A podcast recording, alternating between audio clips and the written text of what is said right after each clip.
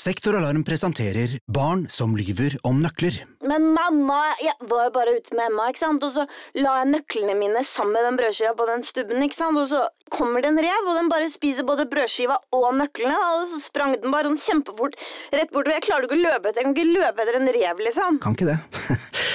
Akkurat nå har Sektoralarm kampanje på boligalarm og dørlås med kode istedenfor nøkler, slik at barna alltid kommer hjem til en trygg bolig. Les mer på sektoralarm.no. I denne ukas episode av Fredrik Gressvik uredigert snakker jeg med USA-ekspert Are Togvold Flaten om at også Donald Trump virker mentalt svekket. Det er jo flere eksempler på det nylig også, der han surrer. Eh, snakker om Obama i stedet for Biden, f.eks. Han er jo ikke det han var, han heller, hvis du ser tilbake på klipp av Trump fra 2015-2016. Gjerne enda lenger tilbake, den gang han var demokrat. Hør Fredrik Gressvik uredigert, gratis der du hører podkast. Today I plan to go with my friends uh, on some summer house and do some barbecue. So later I will send you photos. What are your plans for this day? I mai 2021 får Jon kontakt med en jente som kaller seg Arina på Tinder. Samtalen beveger seg fort over til den krypterte chatteplattformen WhatsApp. De fortsetter å utveksle meldinger, lydklipp og bilder. Hey, good morning. I wish you a good and productive day. Hey, good morning, dear. You look uh, nice as always. I like your eyes. Etter en stund begynner Arina å snakke om penger. Nærmere bestemt investering i kryptovaluta. Hun forteller at hun har en svoger som kan hjelpe Jon med å investere sparepengene hans i bitcoin. Don't worry, dear. He will explain you everything and show you how does it work in example. Uh, you can ask all questions what do you have and then you can make a decision. Okay? Noen måneder senere er alle sparepengene til Jon borte. Dette er Honningfella, en podkastserie i seks deler fra Avhørt, del tre.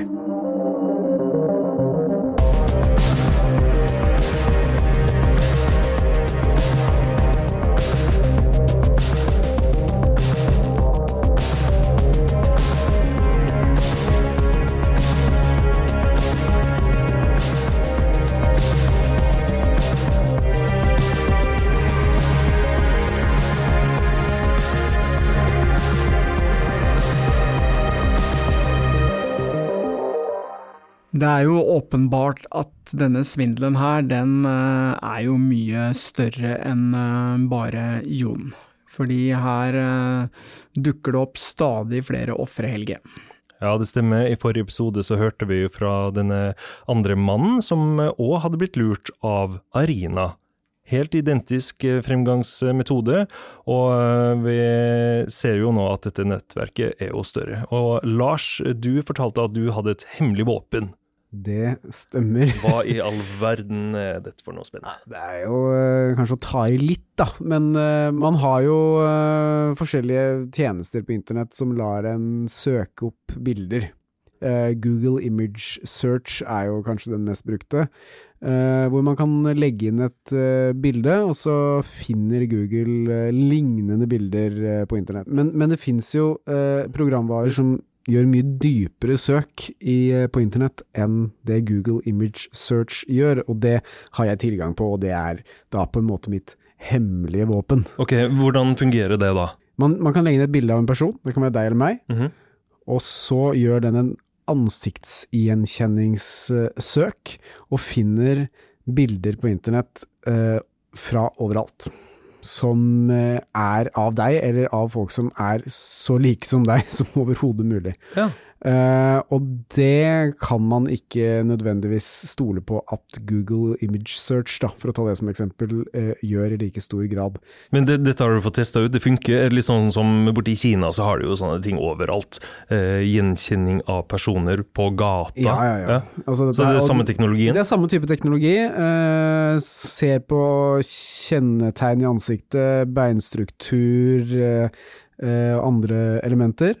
Uh, I stedet for hvis, hvis, man legger inn et bilde av deg, uh, skalla mann med skjegg, i Google Image Search, så Ja. får du opp veldig mange bilder av skalla menn med skjegg. Ikke Eh, nødvendigvis Ikke meg selv. nødvendigvis deg, det kan Nei. godt hende at Bruce Willis med skjegg dukker opp. Ja, Eh, ja. uten at dere for øvrig er spesielt like. Men uh, dette, denne programvaren her, som jo koster en del penger, den gjør det søket. Så um, jeg tenkte at vi kunne teste det ut her nå. Veldig spent på å se på deg. Jeg tenkte at du, Helge, skulle få lov til å teste ut den programvaren. Veldig gjerne. For å teste dette her, så kan jo du f.eks. ta et, av, et bilde av en av oss.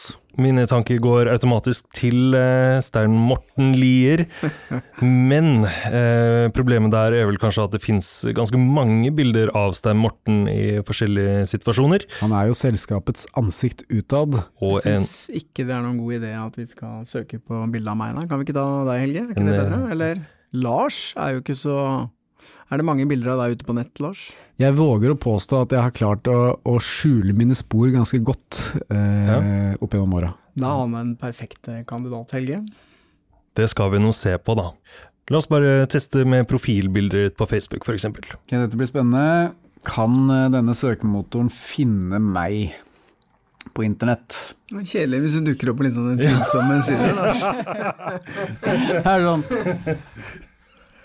Snart eh, Altså sånn Når var det vi bare vent, vi skal ta det, Sten Morten. Jeg, har eh, enda ikke fått sett et bilde fra da du var med i den fitnesskonkurransen på 80-tallet. 80-tallet 90-tallet. Nei, det var nok eh, seinere enn som så, gitt. Det var på etter 2000.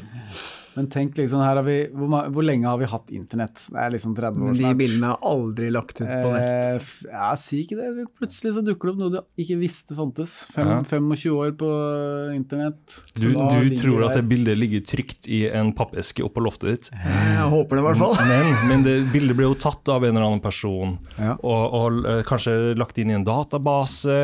Så, ja, det, det, men, det ble tatt med et vanlig kamera. Jeg har jo bare vanlig Jeg har ikke noe elektronisk. Ok, nå er vi inne på den eh, nettsiden i hvert fall. Nå, har vi, nå gjør vi et søk på her kommer, det- her kommer det opp. Men her kommer dette bildet, ja. eh, et, eh, som bare kan være fra ett sted. For det er fra vår nettside, ja. av presentasjonen av Lars. For det kjenner igjen, for det er selv Her har du ut eh, redigert. Jeg har Ja. tatt bort de andre som var Så det på bildet linker til sånn. vår nettside. Det er seks resultater her. Men hva er dette her da, Lars? Her ser du litt sånn der uh... Det var et veldig lekkert bilde av meg.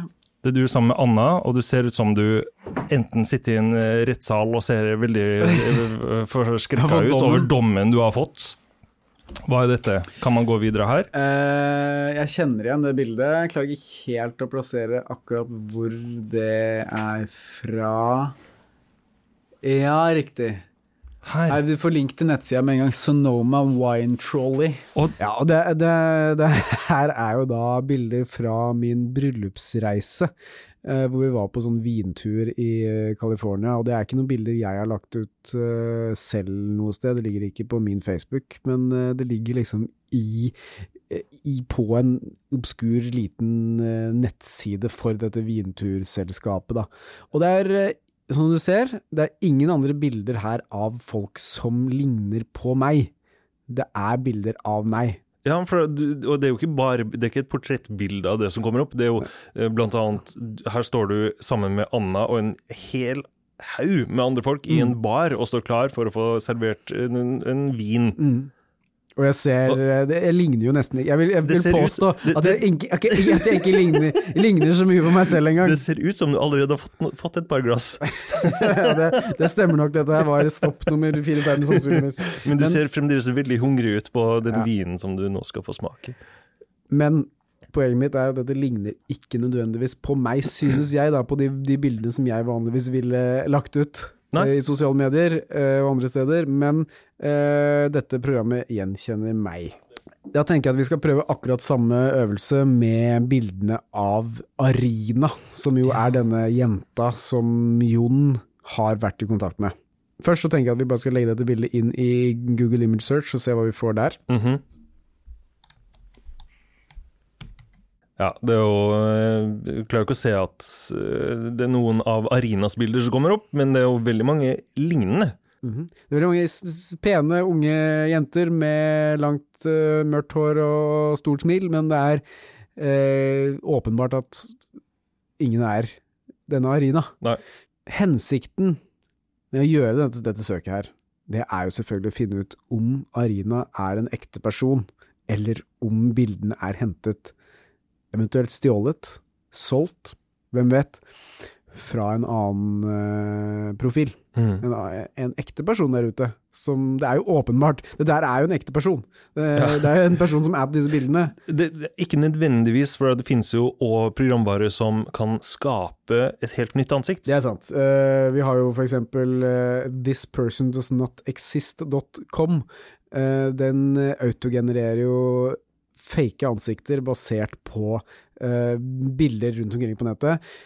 I dette tilfellet her så er det jo en, et titalls uh, bilder av denne personen i forskjellige settinger. Uh, ganske vanskelig å fake det til, tror jeg, hvis du ikke har fått en modell som har stilt opp og, og posa for alle disse bildene. Okay. ja. Uh, det er ganske, ganske mye til å lage så mange fake eh, bilder som ligner såpass på hverandre, Ja. tror jeg. Det er ganske Det er i hvert fall en, eh, en kostbar prosess. Så utgangspunktet vårt er at bildene er ekte, men vi vet ikke nødvendigvis om eh, de tilhører den personen som har vært i kontakt med Jon. Nei, og vi vet jo at Jon har jo eh, snakket med denne personen over lengre tid. Han har ikke snakket med henne på telefon, men han har fått lydklipp Ja. eh, tilsendt fra denne dama. Så det kan jo hende at det er den samme jenta som er på bildene. Kanskje er det noen helt andre. Nå skal vi forhåpentligvis få fasit på om dette her er en jente som heter Arina, eller om det er noen helt andre. Du skal få æren av å legge inn eh, bildene i programmet. Yes, eh, hvilke, eh, hvilke bilder skal vi velge? Må ta et, et med tydelig ansikt. Skal vi se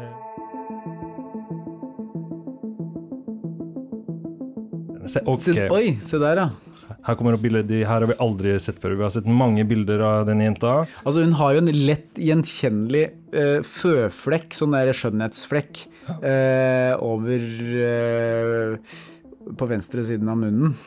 Og den er jo lett å finne igjen. Det er mange, mange damer som ligner her, som kunne vært samme jenta, Mhm.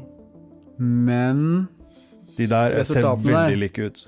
Her har du samme føflekken, og sitter i en bil. La oss bare Men det er ikke det samme bildet. Det er ikke et bilde vi har sett på Instagram-kontoen hennes. Det er det ikke. Aldri sett. Vi har ikke sett det på Instagram. Vi har ikke sett uh, det i Jons arkiv. Han har jo tatt vare på alt han har fått. Hva tenker du om dette, Morten? Er det her samme jenta? Kan være. Tenna er veldig like. Føflekken. Føflekken er lik. Haka er lik. Du ser hun har litt sånn derre Litt sånn derre hake... Hva heter det for noe? Sånn grop på Mm. haka. Se på, se på tenna der. Kløft. Kløft i haka. Se på de tennene. Det Er ikke de Ja, de er nye. de er veldig, veldig hvite. det er- det er- Men Ser ikke, ser de helt identiske ut? Jeg er rimelig sikker på at det er Skal jeg en følge den nettsida da, og se om det tar oss videre til investering en eh, annen eh, Klikk på den. Ok, nå skjer det, folkens. Open websites. Kommer vi bare til en annen svindelside nå, kanskje. Bonjour. Eh, Lifestyle Magazine. Ok, Her sitter hun inne på en restaurant eller kafé. her er det masse oi, oi, oi. masse bilder fra et eller annet Der. luksushotell. Der har vi dama. Og dette står på et språk som jeg ikke nødvendigvis klarer å gjenkjenne umiddelbart. Eh, men er det noe polsk eller noe, kanskje? Det er flere bilder av forskjellige damer på dette her stedet. Men det som er interessant, er jo at det bildet av henne Ja. der står det en fotograf. Navnet på en fotograf. Uh, det er en at. Det, det her er en uh, Instagram, Ja. sannsynligvis. Okay, søk på den. Få inn det um, Hva som står der? At KIS.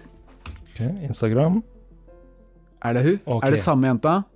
Det samme jenta. Men å, sjekk ut eh, følgerne. 8101 følgere. 196 innlegg. Dette her, Det er samme jenta. Samme jenta Ja, ja, på en ja, ja. annen eh, Instagram-konto, altså. Ok. Kan dette være hennes faktiske Instagram-konto? Det her er ser, eh, reise... Ekte ut. Ja.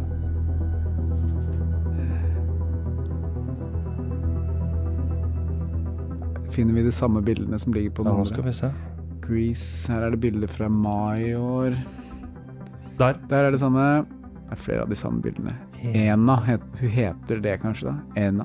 Ena. Ena Kisic. Her har vi funnet den faktiske ok. dama. Frøken Ena Kisic. Ok, ok, ok. ok, ok. Uh... Hvor, lang, men hvor, når, hvor gamle bilder er det på denne her Instagram-kontoen? Her går vi mye lenger tilbake Ja. i tid, virker det som. På Arena-kontoen så ser vi altså der har, de, da har de tatt et utvalg av Ja. disse bildene. Her er det jo hundrevis av bilder, mens på Arinas konto så er det kanskje Ja, det er 190 bilder eller noe her. ja, Når ble den kontoen August 2015. august Ja, 2015. ikke sant. Så det er en mer Det- Det er nok jeg- den offisielle kontoen Jeg hennes, tipper at det her er en ekte person, altså. Ja, vi ser jo her på den ene kontoen at hun har altså ti ganger flere følgere. Mm. 8000 følgere. Hun følger 755. Hvordan får vi, kommer vi i kontakt med denne dama? Så trenger vi gjøre det så vanskelig da? Kan vi ikke bare sende en melding på Instagram til hennes profil, og se om vi får noe svar? Gjør deg klar for episke filmer med et episk tilbud. Nå for en tidsbegrenset periode får du Disney Pluss for kun 19 kroner per måned i tre måneder. Tilbudet gjelder til og med 14. mars for standard med reklame. Registrer deg nå for kun 19 kroner per måned i tre måneder. Disney Pluss. Mer enn du forventer deg. Tilbudet gjelder for kunder uten et aktivt abonnement. 18 pluss. Fornyes automatisk til 59 kroner per måned. Vilkår gjelder.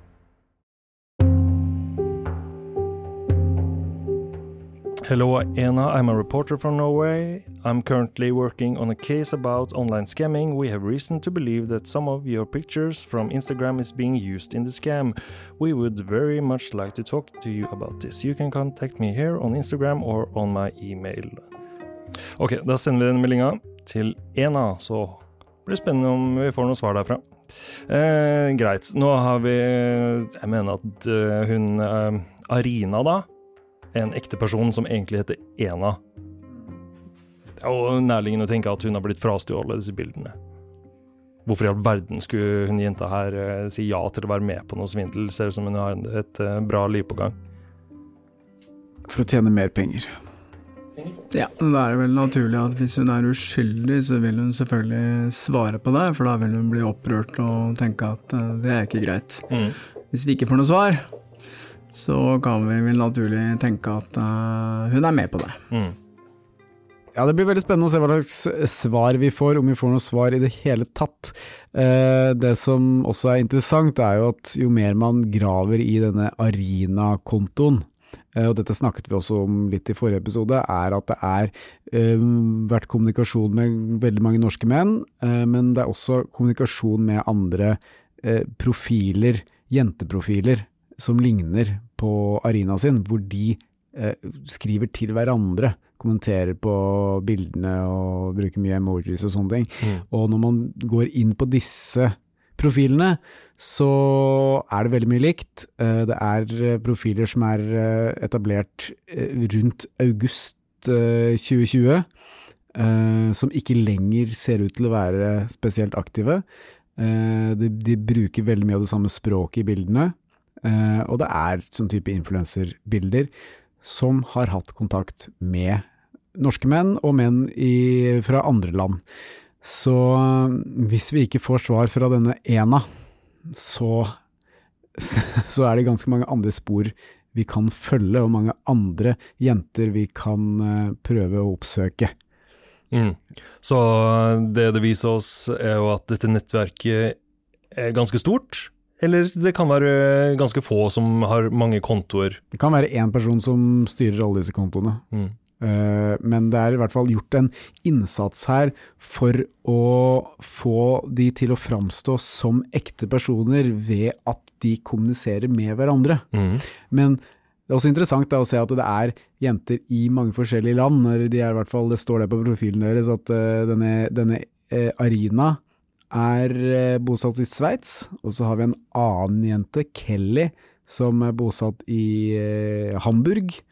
Eh, og en annen jente som heter Diana, hun bor i Sverige, Så- liksom. Mm. Det, det er litt rart at disse har kontakt med hverandre. Har de kanskje bare kontakt på Instagram? Er det én person som står bak og eh, faker kommunikasjonen? Det skal vi se nærmere på.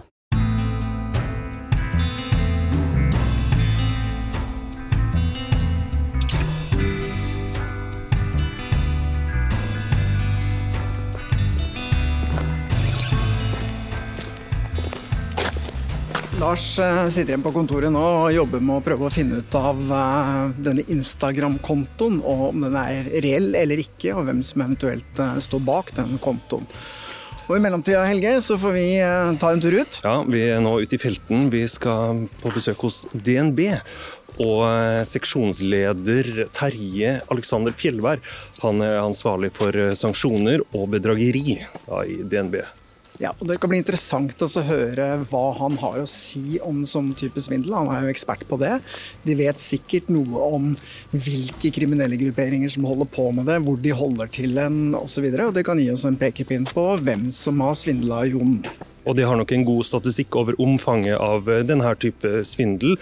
Og så blir det interessant å høre om hva han tenker om Jon og de andre mennenes muligheter for å få pengene sine tilbake.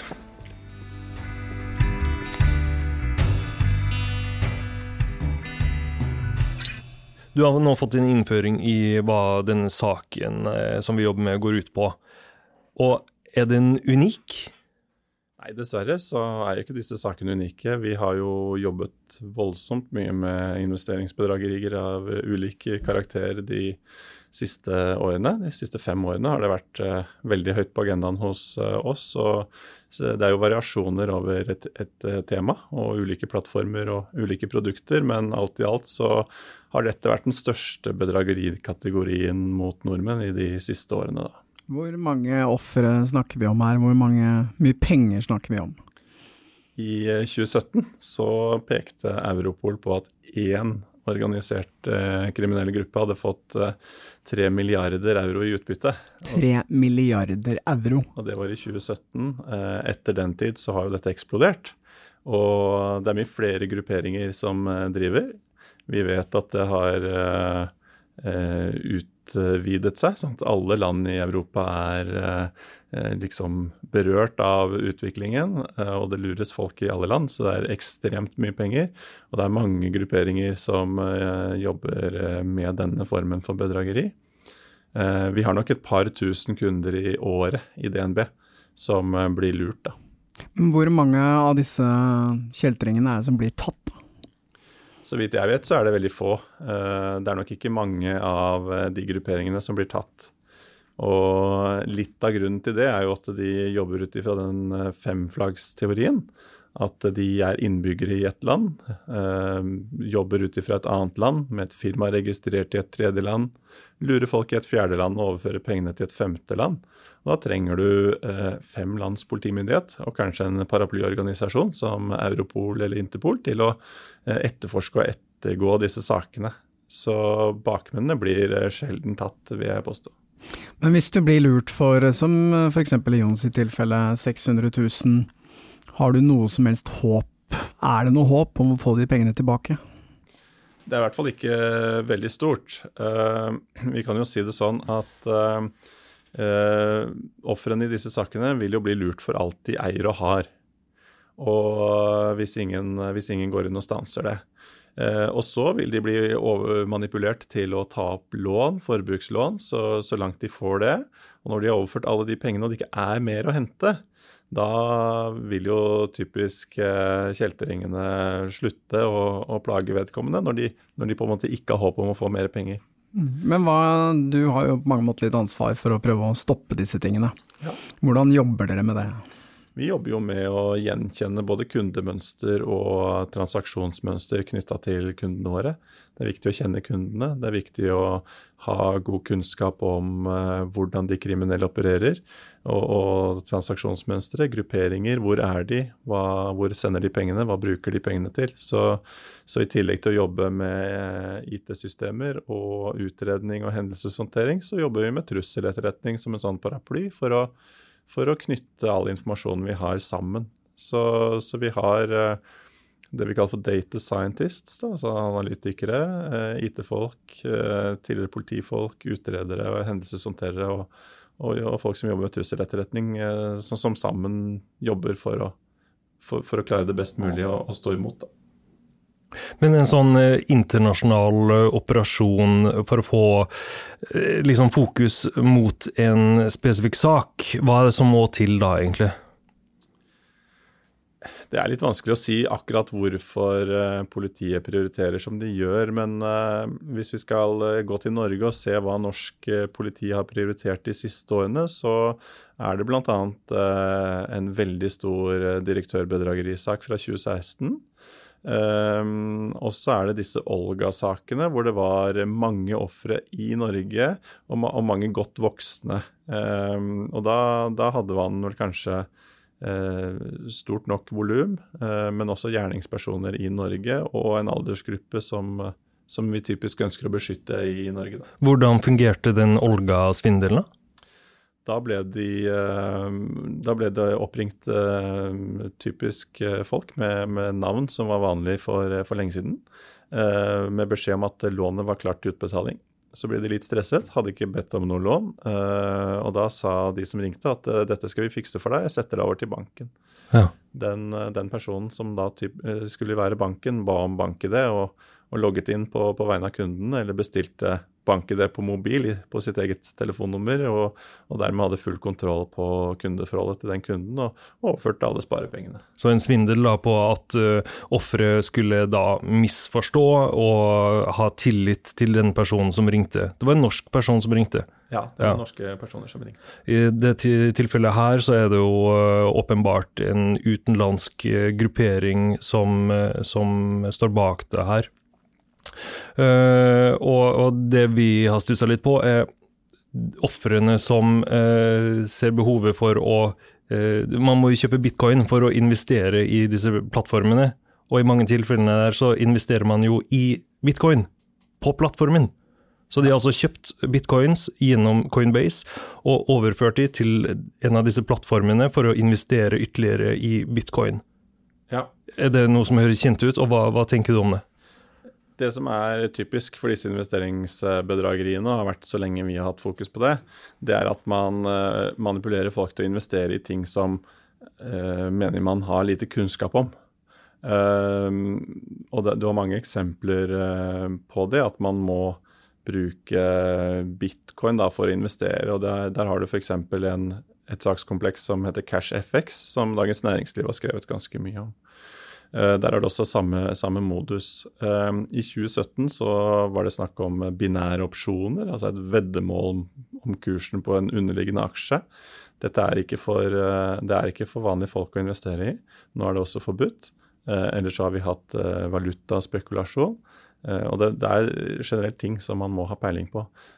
Så hvis man ser da på, på disse eksemplene, så så er det så komplekst forklart at det er ikke naturlig at folk skal eh, se at det, blir, eh, at det er unaturlig. Det er, eh, så, så, i bunn og grunn så, så, utnytter de da manglende digital kompetanse og manglende kompetanse om disse investeringsproduktene for å lure folk, og, og dermed være flinke med ord, flinke til å forklare, sånn at folk skal tenke at dette er helt naturlig, sånn må det være, og dette tror jeg på. Ja, og i den svindelen her så har jo offeret vært så heldig å få hjelp av denne megleren som har forklart alt underveis. Eh, og vi har jo hørt eh, opptakene og det kompliserte uttrykk som vi vet at eh, offeret ikke helt forstår, men offeret har blitt beroliga av at megler sier at han er òg av at denne handelen skal gå bra, for at han har òg investert.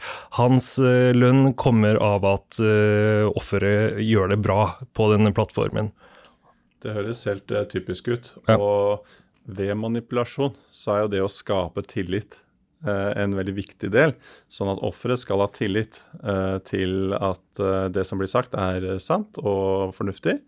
Og så sitter jo den som manipulerer med en plan om å stjele pengene eller en langsiktig mål om å, om å gjøre noe annet. Men, men for offeret så, så, virker alt sannsynlig, og, og de stoler jo da på, på, det. Og i andre enden så ligger det en uh, gevinst som, som offeret har lyst på. Ja. Her, her, er det jo penger, da. Ja. Og her, eh, vi vet jo òg at megler har i, i, de tilfellene her gått inn selv. Når det har blitt problematisk på denne liksom-børsen, på den plattformen, så har megler selv gått inn med midler. Satt inn 5000 euro, f.eks. Ja. For å liksom hjelpe til å, å, gjøre seg da til en del av eh, av offerrollen. Ja, men, men det her er jo bare noe som den megleren kan gå og taste inn i den plattformen, helt fritt. Ja, og, og når man visualiserer ting, så, så, er det mye lettere for folk å, å tro på det. Hvis, eh, hvis, det bare hadde blitt sagt på telefon, så er det ikke offre, sikkert ofrene hadde vært like tilbøyelig til å gå på, men i og med at det er visualisert, så er det mye større sjanse for at vi går på det. Mm. Men øh, hvem bør sitte med ansvaret øh, når man ser at det går store beløp fra en person til en plattform, sånn som vi ser her? Øh, er det noen som kan stoppe det underveis mens det skjer? Som eh, eier av økonomisk infrastruktur, så gjør jo vi en jobb å, å stoppe ganske store summer eh, hvert år, og bruker også mye ressurser på det. Så, så det blir jo en del av vårt eh, samfunnsansvar å, å, ta og forsøke å, å, stoppe bedragerier. fordi når man eier økonomisk infrastruktur, så, så, så sitter man på en del informasjon som f.eks. politiet ikke sitter på. Men til syvende og sist så, så er jo dette regulert av eh, finansavtaleloven og, og, det lovverket vi har. Og, og, den som gjennomfører transaksjonen med et ønske om å gjennomføre transaksjon og godkjenne med sin egen autentiseringsmekanisme, er jo den som bærer den finansielle risikoen. Avsender. Avsender. Ja. Men hvor mye klarer dere å stoppe da, eller på et år? Vi stoppet vel totalt på alle bedrageriformer i fjor enn en 750 millioner. Så, så, det er ganske betydelig med penger som blir stanset i, i forsvarsnettverket vårt. Da. Men eh, som bankmann, hva tenker du liksom om eh, kryptovaluta og det at det er så uregulert, og at det er knyttet til så mye kriminalitet? Jeg tenker at eh, enhver uh, enhver form for verdi som, eh, som, eh, gir deg en viss anonymitet, er nok, er nok attraktivt for, for kriminelle. Um, cash is king var det, var det, før. Det er jo veldig lite cash i Norge nå. Vi er jo kommet ned i 3% under pandemien, så det er jo på en måte verdens laveste andel antagelig på, på kontanter. Så, så det, er ikke, det, er jo ikke, overraskende. Um, Foreløpig så er det jo ikke så mye man får kjøpt med uh, kryptovaluta. Du må jo veksle dem inn til vanlig valuta enn så lenge. Men, uh, men at det hadde vært en regulering uh, f.eks. som uh, andre investeringsprodukter, kunne nok vært, vært, en fordel. At det hadde vært en mer synlighet rundt eierskap også på, på det. Men der er vi inne på et litt viktig poeng, fordi at eh, disse svindlerne de får jo betalt i krypto, og vi har klart å spore dette til en sånn svær eh, kryptokonto. Men for at de skal ha noe glede av de pengene, så må jo de tas ut et eller annet sted. Så finnes det ikke da en mulighet for å overvåke de kryptokontoene og så eventuelt ta de når de da velger å veksle det inn i euro eller dollar eller hva det er for noe? Dette er jo en uh problemstilling for, for uh, mange banker i forhold til om du skal få bruke utbytte fra krypto til egenkapital, f.eks. I, ved boligkjøp og, og, den type ting. Uh, og der, der, er det jo ulikt hvor um, synlig en sånn gevinst er. Om det er samme innskuddet i antall bitcoin som, som, du kjøper, og den stiger beviselig i verdi du tar det ut, eller om du har kjørt gjennom veksler og, og den type ting. Så um, må man jo også se til myndighetene om de ønsker å overvåke uh, kryptotransaksjoner. Er det politiet, er det skatteetaten, er det bankene? Her, her har man jo ikke gjort noen, uh, noen avklaringer. Men uh, men uh, det finnes jo muligheter for å spore transaksjoner fra digitale lommebøker også. Jeg, jeg, bare lurer litt, Hvis jeg nå f.eks. satt på ti bitcoin da, og kom til DNB og sa at uh, nå vil jeg gjerne ha et norske kroner, hadde det vært sånn kjempegreit å få til, eller ville det vært noen kontrollmekanismer da hvor de pengene eventuelt kom fra? Det ville nok ikke vært noe automatikk i at du uh, fikk brukt de til egenkapital, iallfall uten at du helt klart kunne dokumentere hvor de kom fra. Eh, det er ganske nytt foreløpig for, for bankene. Så, så, bankene må kjenne kundene sine, og de skal kjenne midlenes opprinnelse. Hvis du ikke kan dokumentere midlenes opprinnelse, så, så er det ikke noe automatikk i at du får brukt de eh, til investeringer eller boligkjøp via, via oss. Da. Men er det noe som gjelder for alle banker? Absolutt. Så det betyr jo i utgangspunktet at uh, selv om disse svindlerne har klart å svindle til seg ganske mye i krypto, så er det ikke åpenbart at de bare kan uh, ta ut de pengene i en hvilken som helst bank og, og leve godt av det, eller hvordan er det? Det er jo kanskje ikke åpenbart, men det er ikke sikkert det er umulig heller. Eh, det kommer litt an på kontrollen i den aktuelle banken de bruker. Da. Det nettverket som står bak, eh, vi har jo spora midler i, hvert fall for en kvart milliard her. Hva, ut fra din erfaring, hva, hva, tror du de gjør nå? Er de liksom fornøyd, og så sier de ok, nå tar vi de pengene vi har fått, og så legger vi det eh, Så har vi et fint liv fremover, eller går de videre til en annen et annet opplegg? De eh, går definitivt eh, videre. Mye vil ha mer, og det er ganske store organiseringer, som, eller organiserte grupper, som, som, skal leve av dette i mange år framover. Eh, det som er, er at utbytte fra bedragerier brukes jo til å finansiere annen alvorlig kriminalitet. Og det er ganske tydelige knytninger til våpenhandel, narkotikahandel, som igjen skal generere mer profitt. Eh, vi vet også at eh, pengene mm, sendes f.eks. til Østen, hvor det kjøpes eh, dyrt elektronisk utstyr. Så kommer det tilbake til Europa, og så kjører man dette gjennom såkalte momskaruseller, hvor du har masse stråselskaper, og så kjøper du og selger de, samme elektroniske varene mellom disse selskapene på tvers av landegrenser, får momsfritak samtidig som du hvitvasker. og da, da, da går det mange hundre milliarder kroner hvert år gjennom disse momskarusellene. Så, så, bedrar man da staten i de ulike landene samtidig som man hvitvasker utbytte. Så selger man til syvende og sist disse varene. da så, så, så all, alt utbytte går inn til å, til å øke profitt på annen type kriminalitet. Kan det tenkes at disse pengene faktisk har blitt brukt til terrorfinansiering? Vi vet at uh, på kjærlighetsbedragerier så, så, finnes det informasjon om at Boko Haram og Al Shabaab uh, har folk som driver med det. Så da vet vi jo hva de finansierer. Eh, så vet vi at europeiske kriminelle grupper de driver med våpenhandel og de, de, driver med narkotikahandel. Og det er sannsynlig at de kjøper det fra terrorceller i Østen, fordi der, der det er tilgjengelig. Så at pengene til syvende og sist ender hos terrorister, selv om de norske kundene ikke overfører dit eh, direkte, er, er, sannsynlig. Så den, den knytningen mellom bedrageri og, og, terrorfinansiering den er ganske tydelig og beskrevet i mange rapporter. Eh, når jeg hører på deg, så er det åpenbart at dette er jo mye, mye større enn eh, det at eh, de ofrene vi har funnet, har mista 600 000. Det er jo kjempestort, det er jo et vanvittig problem. Men sånn helt til slutt, er det noe som helst håp for Jon f.eks. til å få tilbake noen av disse pengene? For å svare på det første først, eh, og, og, problemet er jo mangedelt. Det er jo et problem for de som taper pengene sine, men det er også et enormt samfunnsproblem. Og det er jo den kriminalitetsformen det er mest sannsynlig at du blir utsatt for. Uh, når det er spørsmålet om det er håp å få tilbake pengene, så tror jeg det er veldig, veldig, veldig lite.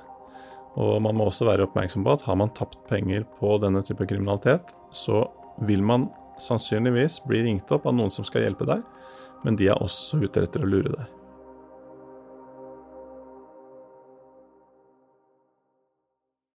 Gjør deg klar for episke filmer med et episk tilbud. Nå for en tidsbegrenset periode får du Disney Pluss for kun 19 kroner per måned i tre måneder. Tilbudet gjelder til og med 14. mars for standard med reklame. Registrer deg nå for kun 19 kroner per måned i tre måneder. Disney Pluss. Mer enn du forventer deg. Tilbudet gjelder for kunder uten et aktivt abonnement. 18 pluss. Fornyes automatisk til 59 kroner per måned. Vilkår gjelder.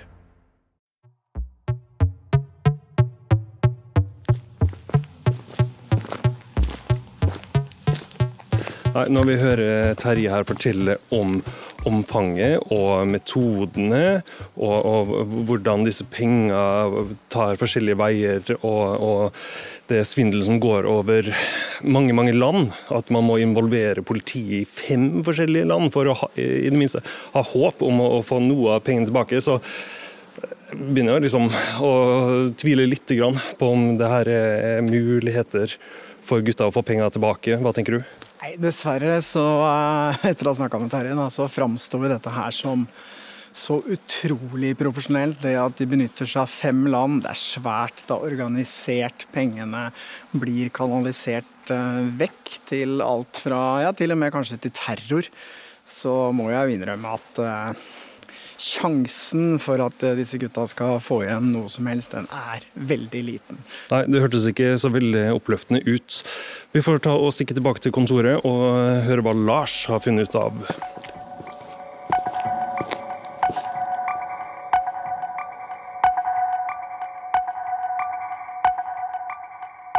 Ok, I går sendte vi da altså melding til denne jenta som er på bildene eh, som er brukt av denne kontoen som kaller seg for Arina, som har vært i kontakt med Jon. Eh, vi vet nå at hun heter Ena. Vi ser at hun bor i Serbia. Og eh, i tillegg til den meldingen som vi skrev, så sendte vi også med screenshots eh, og bilder som var blitt sendt fra eh, Arina-kontoen til eh, Jon via WhatsApp. Og vi også bilder av kommunikasjonen mellom de to. Eh, så det er ganske godt dokumentert. Og man skulle jo tro at det er noe man reagerer på. Vi la også med et bilde som denne Arina har sendt av Ena og hennes mor, eller det vi antar er hennes mor, da. Eh, og man skulle jo tro at sånne private bilder er noe man reagere på. Um, det som vi også ser ved å følge med på Instagram-kontoen til Ena, er at hun nå ikke befinner seg i hjemlandet sitt Serbia. Hun er faktisk på jentetur i USA, tydeligvis på rundreise. Hun er, har vært i San Francisco og LA, og er nå i Las Vegas. Så det er jo en viss tidsforskjell, da. Så når vi sendte melding til henne i går, så var det vel natt der. Ja, og jeg satt og skrev i går kveld òg, eh, bare litt mer utfyllende informasjon om saken. Men jeg ser hun har ikke sett de meldingene, i hvert fall sånn det fremstår her. Vi, vi vet ikke om denne ena, denne, altså denne ekte jenta, eh, har sett disse meldingene. Men det vi så i dag, da vi gikk inn på denne WhatsApp-programmet som vi har fått tilgang til gjennom Jon, altså hans bruker på WhatsApp, der han har hatt all kommunikasjon med denne Arina, så er den samtalen borte. Den ble sletta for uh, få timer siden. Alt er borte, bortsett fra at man kan finne noen medier, da, altså de bildene som har blitt delt. Men, uh, men man alt, alt, de har pratet sammen, alle lydfilene, ja, alt, er alt er borte. Og i går så satt vi jo nærmest her og frikjente denne jenta. Hun har ingenting med det her å gjøre. Det kan være en tilfeldighet, men det virker litt litt rart. Altså bare timer etter at du har tatt kontakt med henne, ja. så blir den samtalen fjerna. Instagram-kontoen hennes er fortsatt oppe og går. Ja. Den falske, altså. Den falske, Arina. Den falske, be, be, både den falske og den ekte. Ja. Ena og Arina er begge oppe og går, men uh, all uh, kommunikasjonen her er altså tatt ja. bort. Vår teori var jo at denne ena, altså den ekte jenta, ikke hadde noe anelse om at det, dette med Arina-kontoen foregikk. Men nå kan det kanskje hende at Jeg er eh, usikker, altså. Vi, jeg tenker at uh, vi får la tvilen komme henne til gode til vi har fått Eh, faktisk eh, kontakt med henne. Det kan jo hende at eh, disse folka som står bak svindelen, også har innsikt i hennes Instagram, hennes ekte Instagram-konto. Det kan jo hende, selv om jeg syns det høres litt søkt ut, så kan jo det hende. Kanskje det er ikke relatert til det hele tatt. Men, men, bare det at hun ikke svarer, da. For jeg skriver jo her at uh, hennes bilder er blitt brukt i en stor svindel. Og hvor, hvorfor spør du ikke da i det minste Ok, det var jo skremmende å høre. En- Et eller annet, da. Men hvordan er det egentlig det fungerer når du sender en melding til noen på Instagram som, du ikke, som ikke følger deg? Det veit jeg hvordan det fungerer, så det kan jeg svare på. Ja, bra. Det som skjer da, at hvis, dere ikke, hvis det ikke er noen som følger, så får du såkalt forespørsler. Ja. Og da kommer de forespørslene opp sånn, og så kan du velge selv om du vil svare på dem ikke, men de kommer ikke inn i noen meldingstråd før du har akseptert det, da. Ok, jeg hadde òg en mistanke om det. Derfor gikk jeg og kommenterte det siste bildet hun hadde lagt ut. Og da skrev jeg altså Hi, please check your inbox here on Instagram. Sent you a message earlier today regarding a case we are working on in Norway. Thank you. Altså at du da ikke blir uh, såpass uh, pirra av nysgjerrighet til at du går inn i den innboksen og sjekker ut den meldinga. Ja, jeg tenker at uh, hvis du får en sånn melding, så blir du nysgjerrig og går og ser på den, og hvis hun er helt uskyldig, så ville hun nok sannsynligvis ha svart, skrevet tilbake oi, dette var ubehagelig, og, og ønsket å vite litt mer om det, men når du ikke svarer, Ja. så er det litt rart. Det betyr jo at du kanskje har noe å skjule, da. Vi kanskje bare ser I got this message from this weird Norwegian uh, old man. I don't want to answer this. Nei, fordi at hadde det vært sånn der eh, type melding sånn hei og fjas, så skulle jeg skjønt at hun var skeptisk, men det er rart at hun ikke leser meldingen, og når det liksom er såpass saklig Ja. og eh, lagt ved dokumentasjon på at eh, profilbildene hennes er blitt brukt i en svindel, så syns jeg det er rart at hun ikke svarer. Det indikerer at hun kanskje er med på dette. Det her kan jo være en jente som uh, får masse forskjellige meldinger av forskjellige karer, da, det kan jo være. Men hun vil jo se med en gang hun går inn og ser meldinga at dette er en seriøs henvendelse. Og når hun ser dette bildet av seg selv på en eh, Instagram-konto som vi ikke kjenner til, så må man begynne å tenke litt.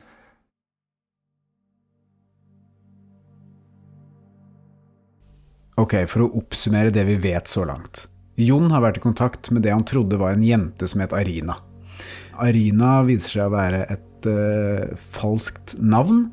Jenta på bildene heter Ena, bor i Serbia og er nå på ferie i USA. Vi får ikke tak i henne, hun har ikke svart på noen henvendelser. Men etter at vi sendte henne meldinger, så har den WhatsApp-kommunikasjonen forsvunnet. Og det er jo ganske suspekt. Husk at dette skjer også etter at vi har ringt rundt til flere menn som har vært i kontakt med eh, denne Arina-kontoen. Vi vet at det er flere ofre der ute. Vi har snakket med to. Vi har forsøkt å komme i kontakt med flere som har snakket med Arina på Instagram. Det er sannsynligvis mange, mange flere. Spesielt når vi følger disse bitcoin-sporene, så er det jo vanvittig store summer det er snakk om.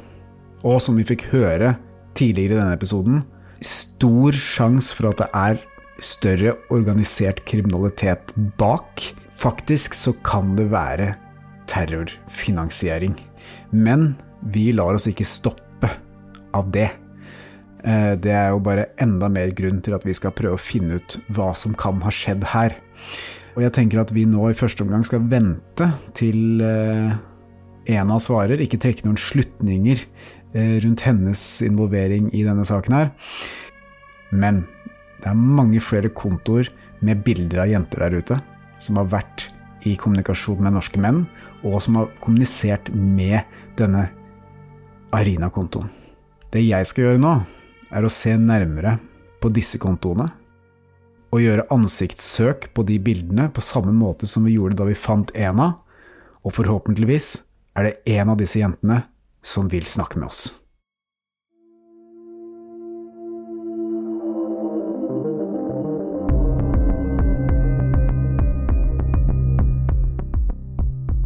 Honningfella er en produksjon av Batong Media.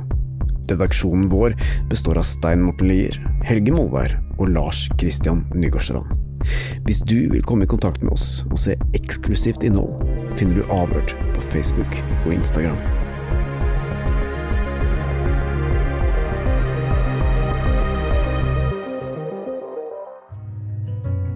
Hvis du setter pris på Avhørt og syns at den jobben vi gjør er viktig, så kan du støtte oss ved å vippse til 8075 99, eller søke opp Batong Media i vips appen Og vi setter stor pris på alle bidrag, store og små.